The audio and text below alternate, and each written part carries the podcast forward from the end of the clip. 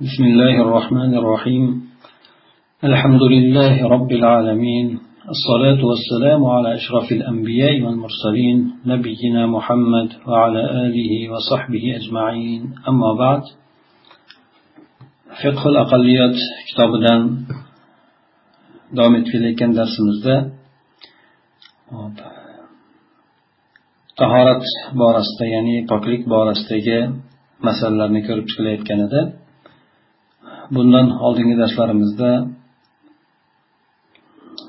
spirtni pok ekanligini o'tgan safargi darsimizda gaplashib o'tgan edik. Bu safar esa itni naqadar darajada pok najos ekanligi to'g'risidagi masala ekan. Uchinchi masala.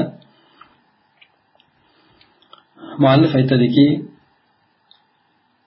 itni ayni o'zini pokligi borasida hamda uni najosat ekanligi borasida fuqarolarni uch xil so'zlari bor.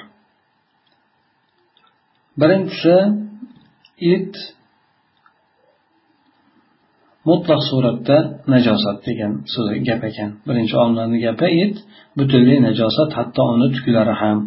Bu imom shofiyni imom molik imom ahmadni esa ikki rivoyatdan birida aytgan so'zlar ekan. Ikkinchi olimlarni gapi esa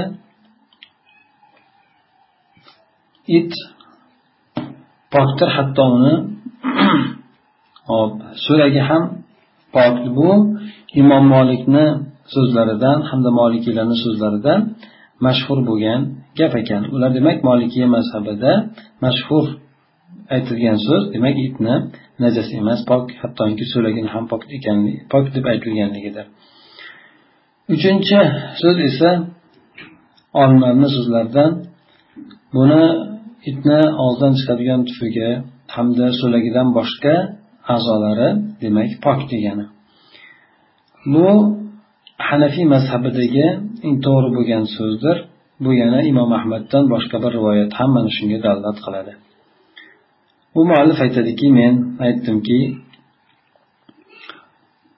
to'g'rilikka eng so'zlarni loyiqrog'i bu o'sha itni so'lagidan boshqa a'zolarini pok ekanligini aytadigan odamlarni olimlarni so'zlaridir. Chunki it itni so'lagi hop najas hisoblanadi. Butun badanini qolgan badanisiz faqat o'sha so'lagini o'zi najosat hisoblanadi. Sababi bunday deyishligimizni sababi o'zi asli ayniy bo'lgan narsalardagi asl bu poklikdir. Ya'ni hamma narsani asli poklikka borib taqaladi. Shariat keyin keyin biron narsani najas ekanligi biron narsani harom qilishlik najas deyishlik faqatgina dalil bilangina joiz bo'ladi deydi. Demak shariat umumiy suratda hamma narsani pokligini e'lon qilgan hamma narsa pok faqatgina najosat bo'lgan harom bo'lgan narsalarni chegaralab bergan. Endi esa itdan biron bir narsani najosat ekanligiga dalolat qiladigan dalil faqatgina abu roziyallohu anhuni payg'ambar sallallohu alayhi vasallamdan rivoyat qilgan ushbu so'zlari kelganki hop agar it sizlarni birontalaringizni idishiga idishida suv ichadigan bo'lsa uni hop yetti marta yuvarsin ya'ni imom muslim ziyoda qilib keltirgan ekanki birinchisini tuproq bilan yuvsin degan hadisdir endi. Mana bu yerda esa itni so'lagini hamda og'zini najosat ekanligiga hadis dalolat qildi. Chunki bu yerda najosatlarni iste'mol qilishlik o'rni mana shu og'zi bo'ladi endi. Ko'pincha hop ya'ni so'lagi hamda shu og'zi asosan og'zi bo'ladi. Najosatni iste'mol qiladigan mahal. Hop.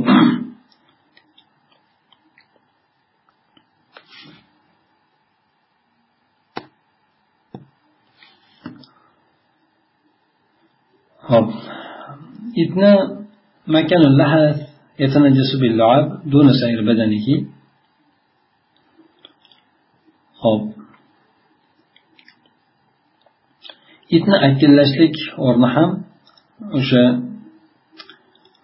qolgan badanlarisiz so'lagi bilangina najosatlanadi ya'ni itni o'sha og'zi tegadigan yoki o'sha akillashda og'zini chiqarib turadigan o'rni joylari ya'ni tillari hamda o'sha so'laklari hop so'laklari bilan najosatlanadi boshqa a'zolarsiz deydi mana bu yerda esa hop idishni yetti marta yuviladi jumhurni so'ziga binoan esa hop yetti marta yuvishlik uni vojib bo'ladi. Yetti marta yuviladi lekin bu narsa yuvishlik vojib bo'ladi jumhur olimlarni so'ziga binoan. Abu hanifa rahimaulloh esa o'sha najosatlardan birontasini ketkazishlikda ho itni so'lagi bo'lsin yo boshqa najosat bo'lsin adatni vojib emasligiga borgan ekanlar. Ya'ni sanoqni vojib emas deb aytgan ekanlar. Bu yerda hadisda mana yetti marta yuvishlik keladi lekin u kishi adat bu yerda e, lozim emas deb aytgan ekan. Ya'ni pok ekanligi gumonga g'olib bo'ladigan bo'lgunigacha yuvilaveradi necha marta bo'lsa ham. Bunga hanafiylar payg'ambar sallallohu alayhi vasallamdan ushbu rivoyatni dalil qilib keltirishgan ekanki bu kishi payg'ambar alayhissalom idishga kirgan o'sha it borasida aytgan ekan ish idishni uch marta yo besh marta yo yetti marta yuviladi degan rivoyat endi. Bu aytishgan ekanki bu hadis tahirga dalolat qiladi. Ya'ni ixtiyorli ekanligi uchtami beshtami yettitami qaysini bo'lsa ham shuncha yuviladi degan e, narsaga dalolat qiladi. Deb lekin javob qilingan ekanki bu hadis zaif hadisdir. Ibn rushd esa payg'ambar sallallohu alayhi vasallamni mana bu qilgan buyruqlarini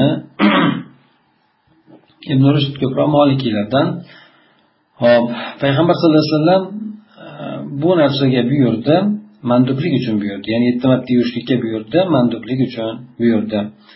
Hamda shunday yo'l ko'rsatib berishlik maqsadida buyurdilar. Majbur qilib emas vojib qilib emas deb aytgan ekan. Bu yerda it o'sha ya'ni quturgan bo'lishligi quturgan bo'lishligidan ehtimoli bo'lganligi uchun payg'ambar alayhisalom uni shunday qilishlikka buyurdi.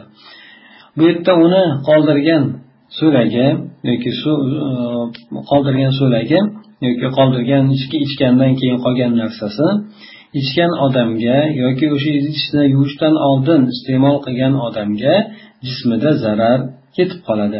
Payg'ambar sallallohu alayhi vasallam esa odamlarga dinlaridayu dunyolarida zarar beradigan narsalardan qaytaradilar va nafaqat najosat bo'lganligi uchun balki zarar beradigan bo'lganligi uchun ham qaytarganlar. Bu yerda demak bu narsa poklikka hamal qilinadi. Najosat emas balki zarar beradigan narsa bo'lganligi uchun payg'ambar alayhissalom qaytargan deb aytadi bu kishi. Agar ruxsat berilgan it ya'ni uni boqishlikka ruxsat beriladigan idish it birontani idishiga hop ichida suv bo'lgan yoki taom bo'lgan bir idishga hop kiradigan bo'lsa bunda suv ham taom ham najosatlanmaydi.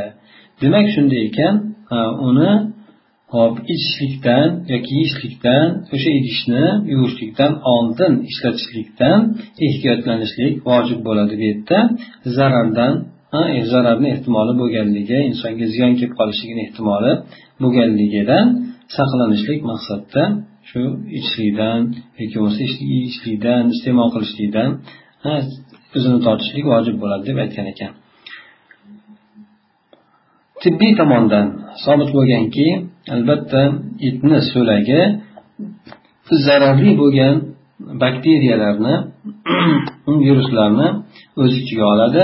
Bu esa albatta uni yo'qotishlik uchun kuchli bo'lgan poklovchi narsalarga muhtoj bo'linadi. Bu e, qana bir bir navi o'sha ibn rushd borgan narsani aytgan narsani quvvatlaydi deb bu muallif aytadi. Demak bu yerda olimlarni aytgan gaplari asosan itni hop so'lagidan payg'ambar sallallohu alayhi vasallam qaytarganlar. Shuning uchun bu payg'ambar sallallohu alayhi vasallam qaytarganligi uni najas ekanligi uchunmi yoki bo'lmasa unda zarar insonga kelishligi uchunmi? Mana bu narsa demak olimlar ixtilof qilishgan ekan. Payg'ambar sallallohu alayhi vasallam demak o'sha hadislarga binoan hop bular ishlatishlik bo'lmaydi deyishadi lekin ishlatishlik bo'lmasligi najosat ekanligidanmi yoki bo'lmasa insonga zarar yetib qolishligi bo'lganligidanmi? Alloh alam shuni. Lekin jumhur olimlar o'sha najosat ekanligini aytishadi. Najosat ekanligini aytishadi. Ba'zi mana molikiylar shundan aytishganki itni so'lagi ham pok lekin buni zarari bo'lganligidan qaytarilgan deb aytishadi. Bular ham o'sha itni qoldirgan idishini yuvishadi qoldirgan kirgan idishini yuvishadi. Hanafiylar esa bu najosat hisoblanadi deydi lekin adatni shart qilmaydi deydi lekin aytib o'tildi ular dalil qilib keltirgan hadis zaif ekanligi hamda payg'ambar sallallohu alayhi vasallam o'sha adatni bejiz aytmaganligi bundan ko'rinib chiqadi ko'rinib turadi. Demak it bironta narsaga tegadigan bo'lsa idishga tegadigan bo'lsa uni yetti marta yuviladi. Endi it so'lagi kiyimga tegadigan bo'lsa u najosatni poklangandek poklanadi. Ya'ni najosatdan poklanganday poklanadi ya'ni har qanaqangi bir najosat tegadigan bo'lsa uni qanday poklanadigan bo'lsa shu suratda poklanadi. Lekin idishni ichiga kiradigan bo'lsa albatta u idishni qatron qilinadi bunday aytganimizda. Ya'ni birinchisini tuproq bilan yaxshilab yuvib turib ana undan keyin boshqa har xil moddalar bilan yuvilaveradi tuproq bilan deyilishligini sababi bu o'sha tuproqda o'sha itni og'zidan chiqqan so'lagini da bo'lgan bakteriyalarni o'ldiradigan modda borligidan shu yerni kuchli tozalovchi deb aytishadi bunga nisbatan. Lekin e, boshqa nimalar bilan ham tozalasa bo'ladi. Ketkazuvchi moddalar bilan bo'lsa ham. Lekin e, birinchisi shu tuproq bilan bo'lganligi e, bu narsa ko'proq ma'qul bo'lsa kerak. Lekin itni boshqa badallari insonga tegadigan bo'lsa yoki inson boshqa badallarni silaydigan bo'lsa bunda u insonga hech qanaqangi bir najosat yetmaydi. Yoki it kelib uni kiyimiga surkaladigan bo'lsa bu itni o'sha surkalishligi bilan insonni kiyimi nopok bo'lib qolmaydi. Hop endi undan keyingi masala. Ikkinchi matlab ekan namoz borasida har bir musulmon odamga maxfiy emaski namoz bu islomni beshta rukunlaridan ikkinchi rukun hisoblanadi. Alloh taolo uni kecha kunduzda besh marta farz qilgan. Bu oqil bo'lgan balog'atga yetgan o'sha namozni biladigan odamlarga vojib bo'ladi. Kimki farz bo'ladi ya'ni kimki uni inkor etadigan bo'lsa bu millatdan chiqib ketadi islom musulmonlikdan chiqib ketib qoladi. Bu namozni islomdagi buyuk manzilati sababli shariat uni zoya qiladigan odamlarni namozga beparvo bo'ladigan zoya qilib tashlaydigan odamlarni ogohlantirgan ularga vaidlarni keltirgan. Alloh taolo aytadiki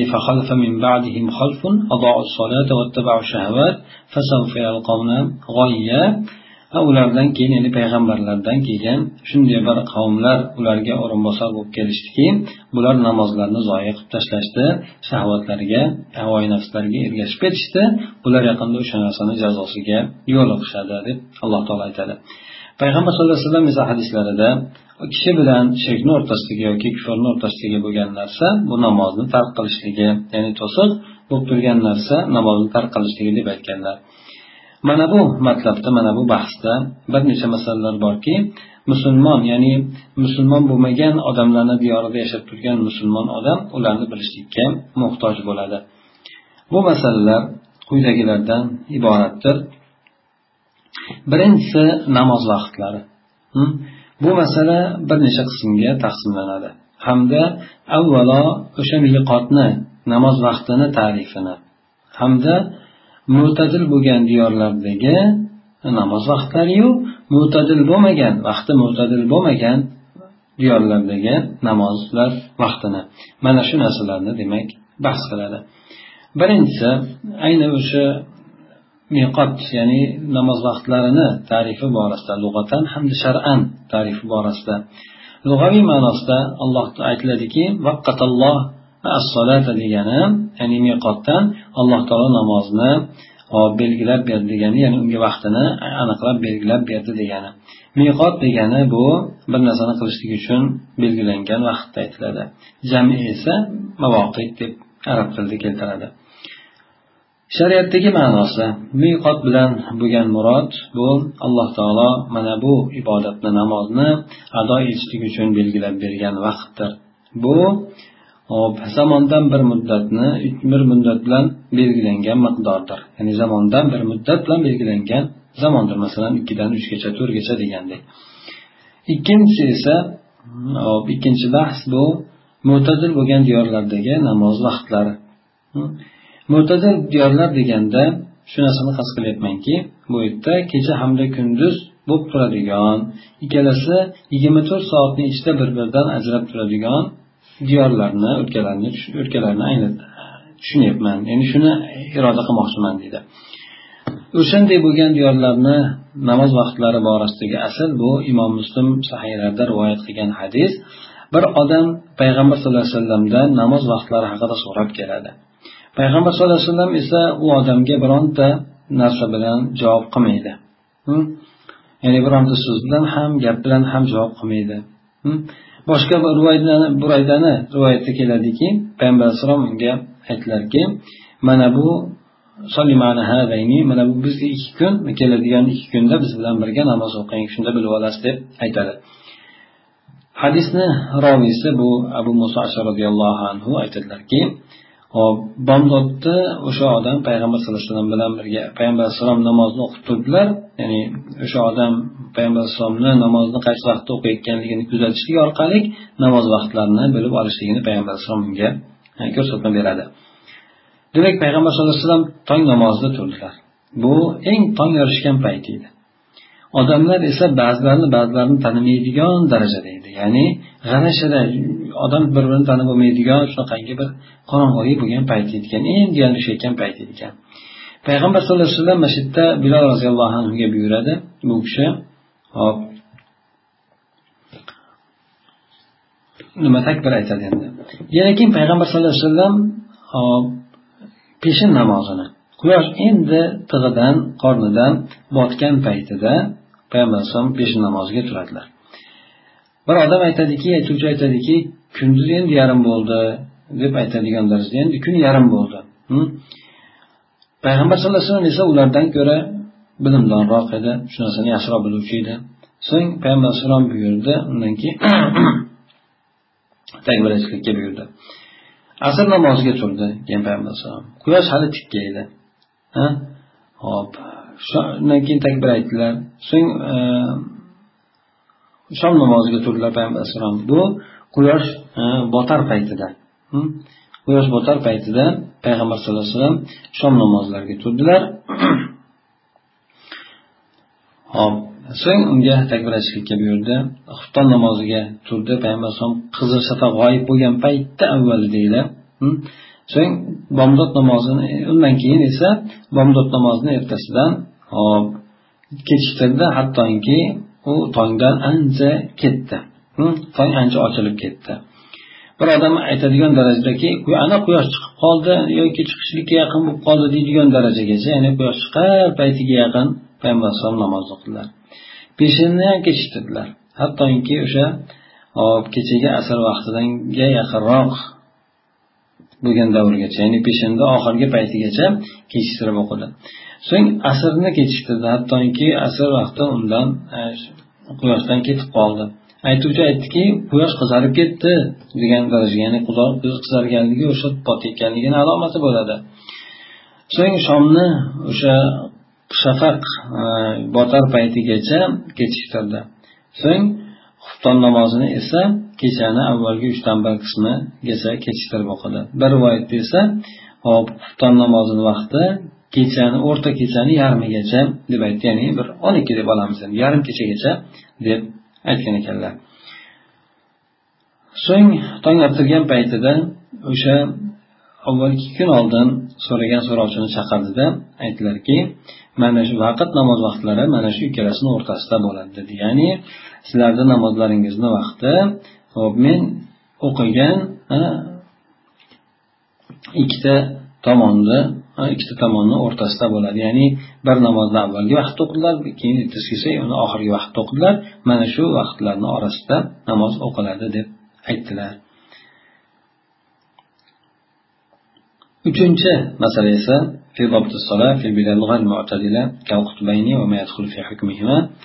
hop endi mo'tadil bo'lmagan diyorlardagi namozni tartibga solishlik borasida. Bu ikkita qutb shimoliy qutb janubiy qutb bo'lsin hamda ularni hukmiga dohil bo'ladigan joylar borasida.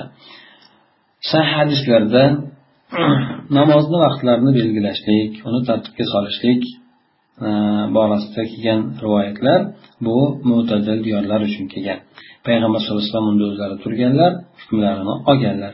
Lekin endi hop hech qanaqangi bir oylar bo'lmaydigan mo'tadil oylar kunlar bo'lmaydigan diyorlarda namoz vaqtlarini tartibga solishlik uslubi yoki yo'nalishi qanday bo'ladi endi? Balki ba'zi diyorlarda yil mo'tadil bo'lgan diyorlardagi yillar ya'ni bir kun bo'lib qoladi. Ya'ni bir quyosh chiqadi botmay turaveradi juda uzoq vaqtgacha cho'zilib ketib qoladi. Xuddi bir kundek bo'lib qoladi. Masalan ikkita qutbiy tomonlar bo'lsin skandinaviya joylar bo'lsin bularda kunduz kuni yozda kunduz uzayib ketadi qishda esa juda qisqarib ketadi. Yoki bo'lmasa shimoliy diyorlar o'lkalar. Bularda quyosh umuman yozda botmaydi yoki qishda aksi umuman chiqmaydi. Yoki bo'lmasa xufton namozi bilan bomdod vaqti ba'zi diyorlarda o'sha birlash ba'zi paytlarda birlashib ketadigan diyorlar. Ya'ni xufton bilan bomdod Э, ikkalasi birlashib ketib qoladi. Ya'ni bitta orasini ajratadigan bir alomatlar ko'rinmasdan yilni oylarida. Bular endi e, nimasi yo'nalish kenglik yo'nalishi sakson to'rt ya'ni shimolda bo'lsin janubda bo'lsin e, ho'p shundan o'tmaydigan diyorlar ya'ni koordinatlar bor karta koordinatlarini qaraydigan bo'lsak nimasi bor? Soat sistemasiga e, tepadan pastga qarab olinadigan bo'lsa bu quyoshda botishlik botmaslik qachon botishlik sistemasi bo'yicha uni e, vertikal suratda olinadi. Hop o'sha kartadan qaraydigan bo'lsanglar ya'ni shimol tomondan tepa qismlar hamda janub tomon pastki qismlar. Bu yerda fuqarolarni so'zlarini hop o'sha joylardagi namoz vaqtlarini tartibga solishlik belgilashlikni bayoni borasida fuqarolarni gaplarini keltirib o'taman. Quyida ularni e, kelgandek so'ng munoqasha qilib turib biroz e, kuchliroq bo'lganini aytib o'taman deydi. Birinchi hanafiylarni so'zlari hanafiy olimlarni so'zlari fathul qodir kitobida quyidagi ibora kelgan. Qaysi bir kimsalarda odamlarda xufton uchun vaqt bo'lmaydigan bo'lsa bu aytiladiki ya'ni qizil shafaq e, ularda qizil shafaq ya'ni qizil shafaqni botishligi xufton kirishligini alomati bo'ladi. Qizil shafaq esa hali botishligidan oldin bomdod vaqti kelib ketib qoladi. Demak o'rtada qizil shafaq yo'qolgan paytida xufton bo'ladi. Undan keyin tong otgan paytda bomdod bo'ladi. Endi qizil shafaq shunaqa cho'zilib ketib qolar ekanki bu bomdod tong otishlik vaqtiga qarab ketib qolar ekan. Demak o'rtada xufton namozi yo'qolib qolyapti. Va qoli degan olim e, o'sha joyda yashayotgan odamlarga e, o'sha xufton vaqtini sababi ya'ni alomati bo'lmaganligi sababli vojib bo'lmaydi degan gapni fatvo bergan ekan. Bu kanz uh, zaylayni ixtiyori ham shu bo'lgan ekan endi. Bu yerda demak uh, misol keltirib aytishgan ekanki buni dalil suratida aqliy dalil bilan ikkita qo'lni agar tirsakdan uzilib ketadigan bo'lsa yuvishlik soqit bo'ladi. Tahoratda demak ikkita qo'l agar ikkita qo'l yo'q odam bo'lsa bu odam yo'q bo'lgandan keyin u qo'lini yuvmaydi. Hop demak bu yerda farz o'rnini hm, yo'qligi ya'ni farz o'rnini shu yozgan qo'lini o'zini yo'qligi hamda uni qilishlik sababini ham yo'qligi hm. Hop mana shu ikkalasini o'rtasidagi ya'ni bu yerda mahal farz qo'ldagi o'sha uzilgan joy bo'ladigan bo'lsa jali sababi ya'ni qilingan sababi ya'ni bir narsani bir narsaga alomat qilingan sabab bu yerda xufton vaqtini alomatini yo'q ekanligi ya'ni o'sha qizil shafaq botgandan keyingi bo'ladigan muddat. Mana shu paytni yo'qligini orasidagi farq sobitligida bir ikkalasini o'rtasida farq borligida demak fikr qilib ko'rgan odam shubha qilmaydi. Bu xuftonni sababi esa o'sha xuftonni e, vojib ekanligiga alomat qilingan maxfiy vojib ekanligiga. Bu esa e, biz aslida asli ishni aslida sobit bo'lgan maxfiy e, vojib ekanligiga alomat qilindi endi. Ya'ni o'sha quyoshni qizil shafaqni yo'qolishligi bu xuftonni kirishligiga hop alomat qilingan endi bu yerda sobit maxfiy kelyapti yashirin kelyapti. Hamda bir narsani ta'rif beruvchilarni bir qancha bor narsa bir qancha ekanligini joiz ekanligiga alomat qiling. Nima qilinishligi joiz ekanligi bir narsani belgila masalan aytaylik. Hop bir narsani tanituvchi bo'lgan narsani bir qancha ekanligini joiz ekanligi. Masalan hop ro'zani kirishligi masalan ro'zani kirishligi alomati o'sha e, nima bilan e, oyni ko'rinishligi bilan agar oy ko'rinmaydigan bo'lsa kunni o'ttiz kun qilishlik bilan demak ta'rif beruvchi narsalar bir qancha bo'lyapti bu yerda. Oy ko'rinishi kerak ko'rinmasa o'sha o'ttiz kun bo'lishi kerak endi. Shabon oyi o'ttiz kun bo'lishi kerak. Mana shu bilan demak e, o'sha bir narsani ta'rif beruvchi ramazonni tarifi masalan bir qancha bo'lyapti endi. O'sha bor ekanligini tanituvchi bo'lgan narsa bir necha bo'lyapti. Endi vaqtni yo'q bo'lishligi bu yerda namozni vaqtini kirishligi bir narsa endi. Bu o'sha quyoshni qizil shafaqni botishligi edi endi. Boshqa demak o'sha namozni kirganiga dalolat qiladigan narsa yo'q endi. Ta'rif beruvchi bo'lgan narsani namozni kirganligini aniqlab aytib beruvchi tanishtiruvchi bildiruvchi bo'lgan narsani yo'q ekanligidir. Demak yo'q ekanligi vaqtni yo'q ekanligi bo'ladi.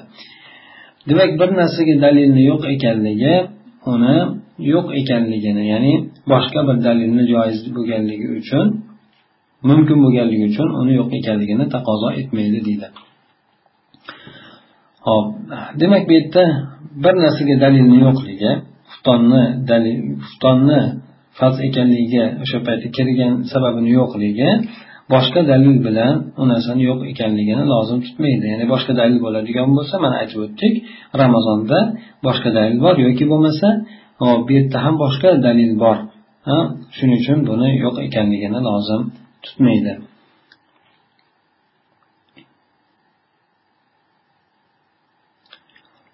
Ibn humomni so'zini ma'nosi shuki agar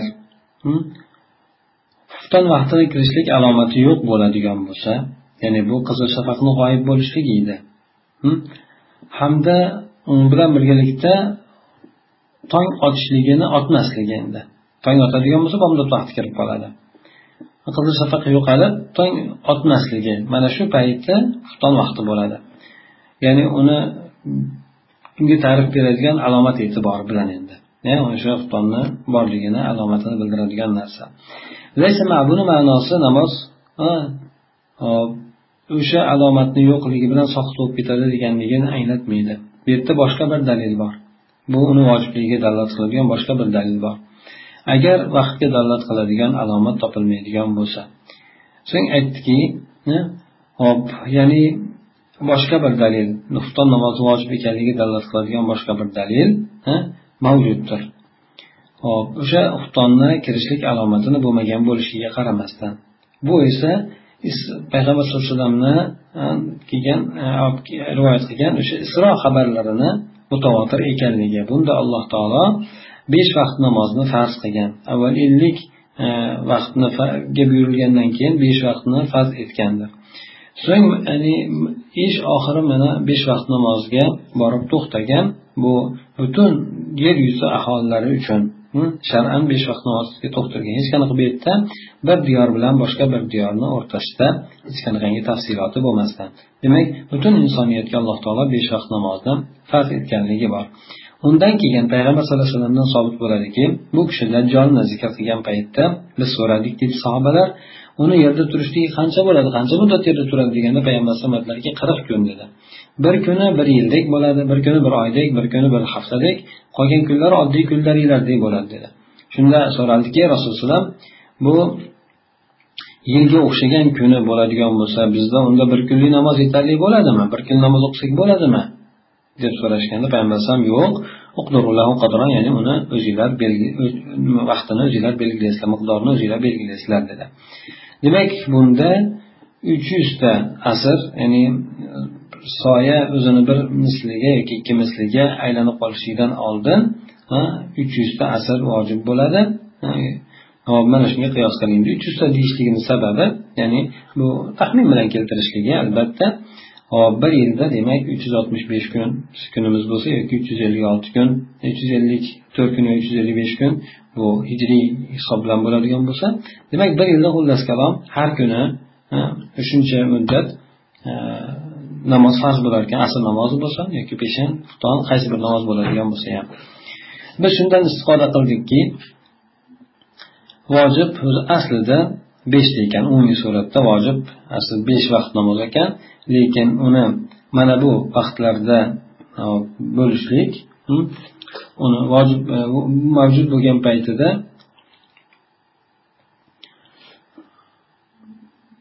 ya'ni mana shu vaqtlarga o'sha besh vaqt namozni bo'lishlik bu o'sha nima topilgan paytida. Ya'ni hop vaqtga qaraladi. Xuddi go'yoki peshin bilan asrni o'rtasi qancha kunda oddiy kunda ana o'sha narsani belgilab turib e, hozirgi paytda juda ham oson. Masalan yoz qishda o'lchanadida yoz vaqtida o'zi namozlar bor eng yaqin mintaqaga qaraladi hali bu narsalarni aytib o'tiladi. Ya'ni hozirgi paytda hech qanaqangi bir namoz vaqtini topishlikda o'shanday bo'lgan joylarda bir qiyinchilik tug'ilmaydi. Faqatgina bu yerda qaysi mintaqaga qarab turib bu namoz vaqtini belgilanadi? Mana shu narsaga kelishib olinsa bo'ladi. O'sha alomatlarni yo'q bo'lganligi bilan ya'ni namoz vaqti topiladigan alomatni yo'q bo'lganligi bilan yoki o'sha namoz vaqtlarini yo'q bo'lganligi bilan vojib soqit bo'lib ketmaydi. Payg'ambar sallallohu alayhi vasallam demak e, shunday deb aytganlarki besh vaqt namozni alloh taolo bandalarga farz qilgan deb.